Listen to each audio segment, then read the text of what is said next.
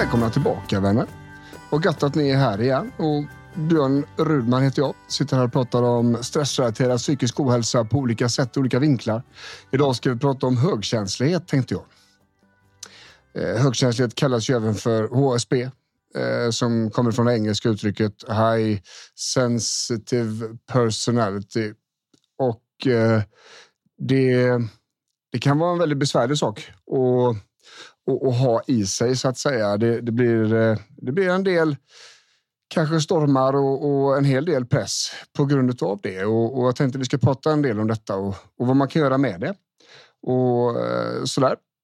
För att eh, man kan då dels vara känslig för känslor utav naturen så att säga. Att, att genetiken gör att men jag känner väldigt mycket av mina känslor. Jag känner väldigt snabbt och jag kan liksom känna av stämningar i ett rum och eh, sådär.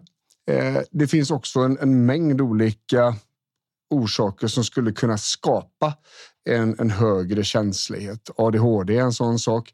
Utmattningssyndrom är definitivt en sån sak och det behöver inte ens vara utmattningssyndrom där stressen har varit för hög för länge, utan det kan mycket väl vara att, att man blir känsligare för känslor när man är pressad helt enkelt. Och det finns eh, det finns ju problem med detta såklart. Ehm, är man en högkänslig person så kommer känslorna att, liksom att vara faktorer för pressen i livet. Det ska vi säga.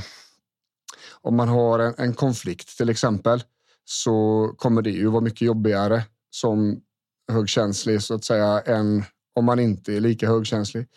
Eh, stress kommer ju påverka mig kanske mera Eh, det kommer finnas en högre oro och så där. Och även om det inte är en diagnos så kan det ju såklart vara besvärligt och vi kan göra väldigt mycket med detta. Eh, och vi kan, eh, vi kan skapa stabilare situationer kanske än, än vad vi har om vi bara låter allting vara som det alltid har varit. Och i den här podden så försöker jag ju hjälpa till så mycket jag kan för att göra så mycket som möjligt för så många som möjligt och kunna hantera vardagarna lite lättare och, och, att det blir lite, lite mindre belastat så att säga. Och eh, jag tänker att jag ska börja den änden av eh, att eh, prata om sårbarhet, sårbarhetsfaktorer. har vi nämnt flera gånger här i podden och, och, det blir ju kanske ännu mer centralt om man vet med sig att man är högkänslig och att, att man har väldigt lätt till väldigt stora känslor och um, det är liksom lite svårt att förhålla sig till stormarna på insidan. Sådär. För ju mer sårbar man är, desto svårare kommer det där att bli.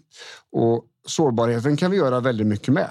Och vi kan se till att ha regelbundna måltider. Det kommer minska vår sårbarhet och det kommer också göra att vi får lättare att hantera känslor. Ehm, vi eh, kan se till att vi gör vad vi kan för att sova så mycket som det går. Ehm, komma i säng ordentligt tid, göra vad vi kan för att liksom ha en bra sov sängmiljö och ehm, att eh, ska vi säga, prioritera den delen kommer göra att vi är mindre sårbara mot de här höga nivåerna av känslor. Och att eh, hitta strategier som vi löser problem med eh, som fungerar för just mig det är också en viktig sak att okej, okay, nu känns det så här. Eh, då behöver jag göra först det här och sen det här och sen kanske det här för att det ska kännas mindre och, och att jag ska förstå mer om varför jag känner som jag gör. Och det kan handla om eh, vid ett problem till exempel att, att eh, man skriver ner det. Man eh, skapar en, en inventering av problemet och ser vad är det här som är framför mig. Vad kan jag påverka? Vad kan jag inte påverka? Eh, vad är grundproblemet i detta? Ja, eh, rent faktamässigt sett så kanske det inte är så stort problem, men det känns enormt stort. Okej, okay, känns, det känns stort och jag vet om att jag har väldigt nära till väldigt stora, väldigt stora känslor, högkänslig. Okej, okay, här är känslorna kanske en del av problematiken. Då. Kan man då titta på detta så, så, så ser man också att okej, okay, men Problemet faktamässigt är inte särskilt stort, men det känns väldigt stort. Då vet jag också vart jag ska jobba någonstans. Och de här delarna, det räcker ganska långt för de allra flesta. Och eh, det behöver inte vara svårare än så faktiskt. Att eh, läsa mycket om, om eh, psykologi och sånt är väldigt intressant. Och det finns ju massor av olika som sa, förklaringar till att, att man är känslig, att man är högkänslig. Ehm, och, och, det kan komma både genetiskt och ifrån faktiskt att man har levt i situationer där man har behövt att vara känslig, man har behövt att vara vaksam, man har behövt att vara liksom eh, orolig för att det har funnits en ostabilitet i, i uppväxten, i vardagen till exempel. Eh, då har ju huvudet fått lära sig att ju mer känslig och redo jag är, desto säkrare kommer det här att bli.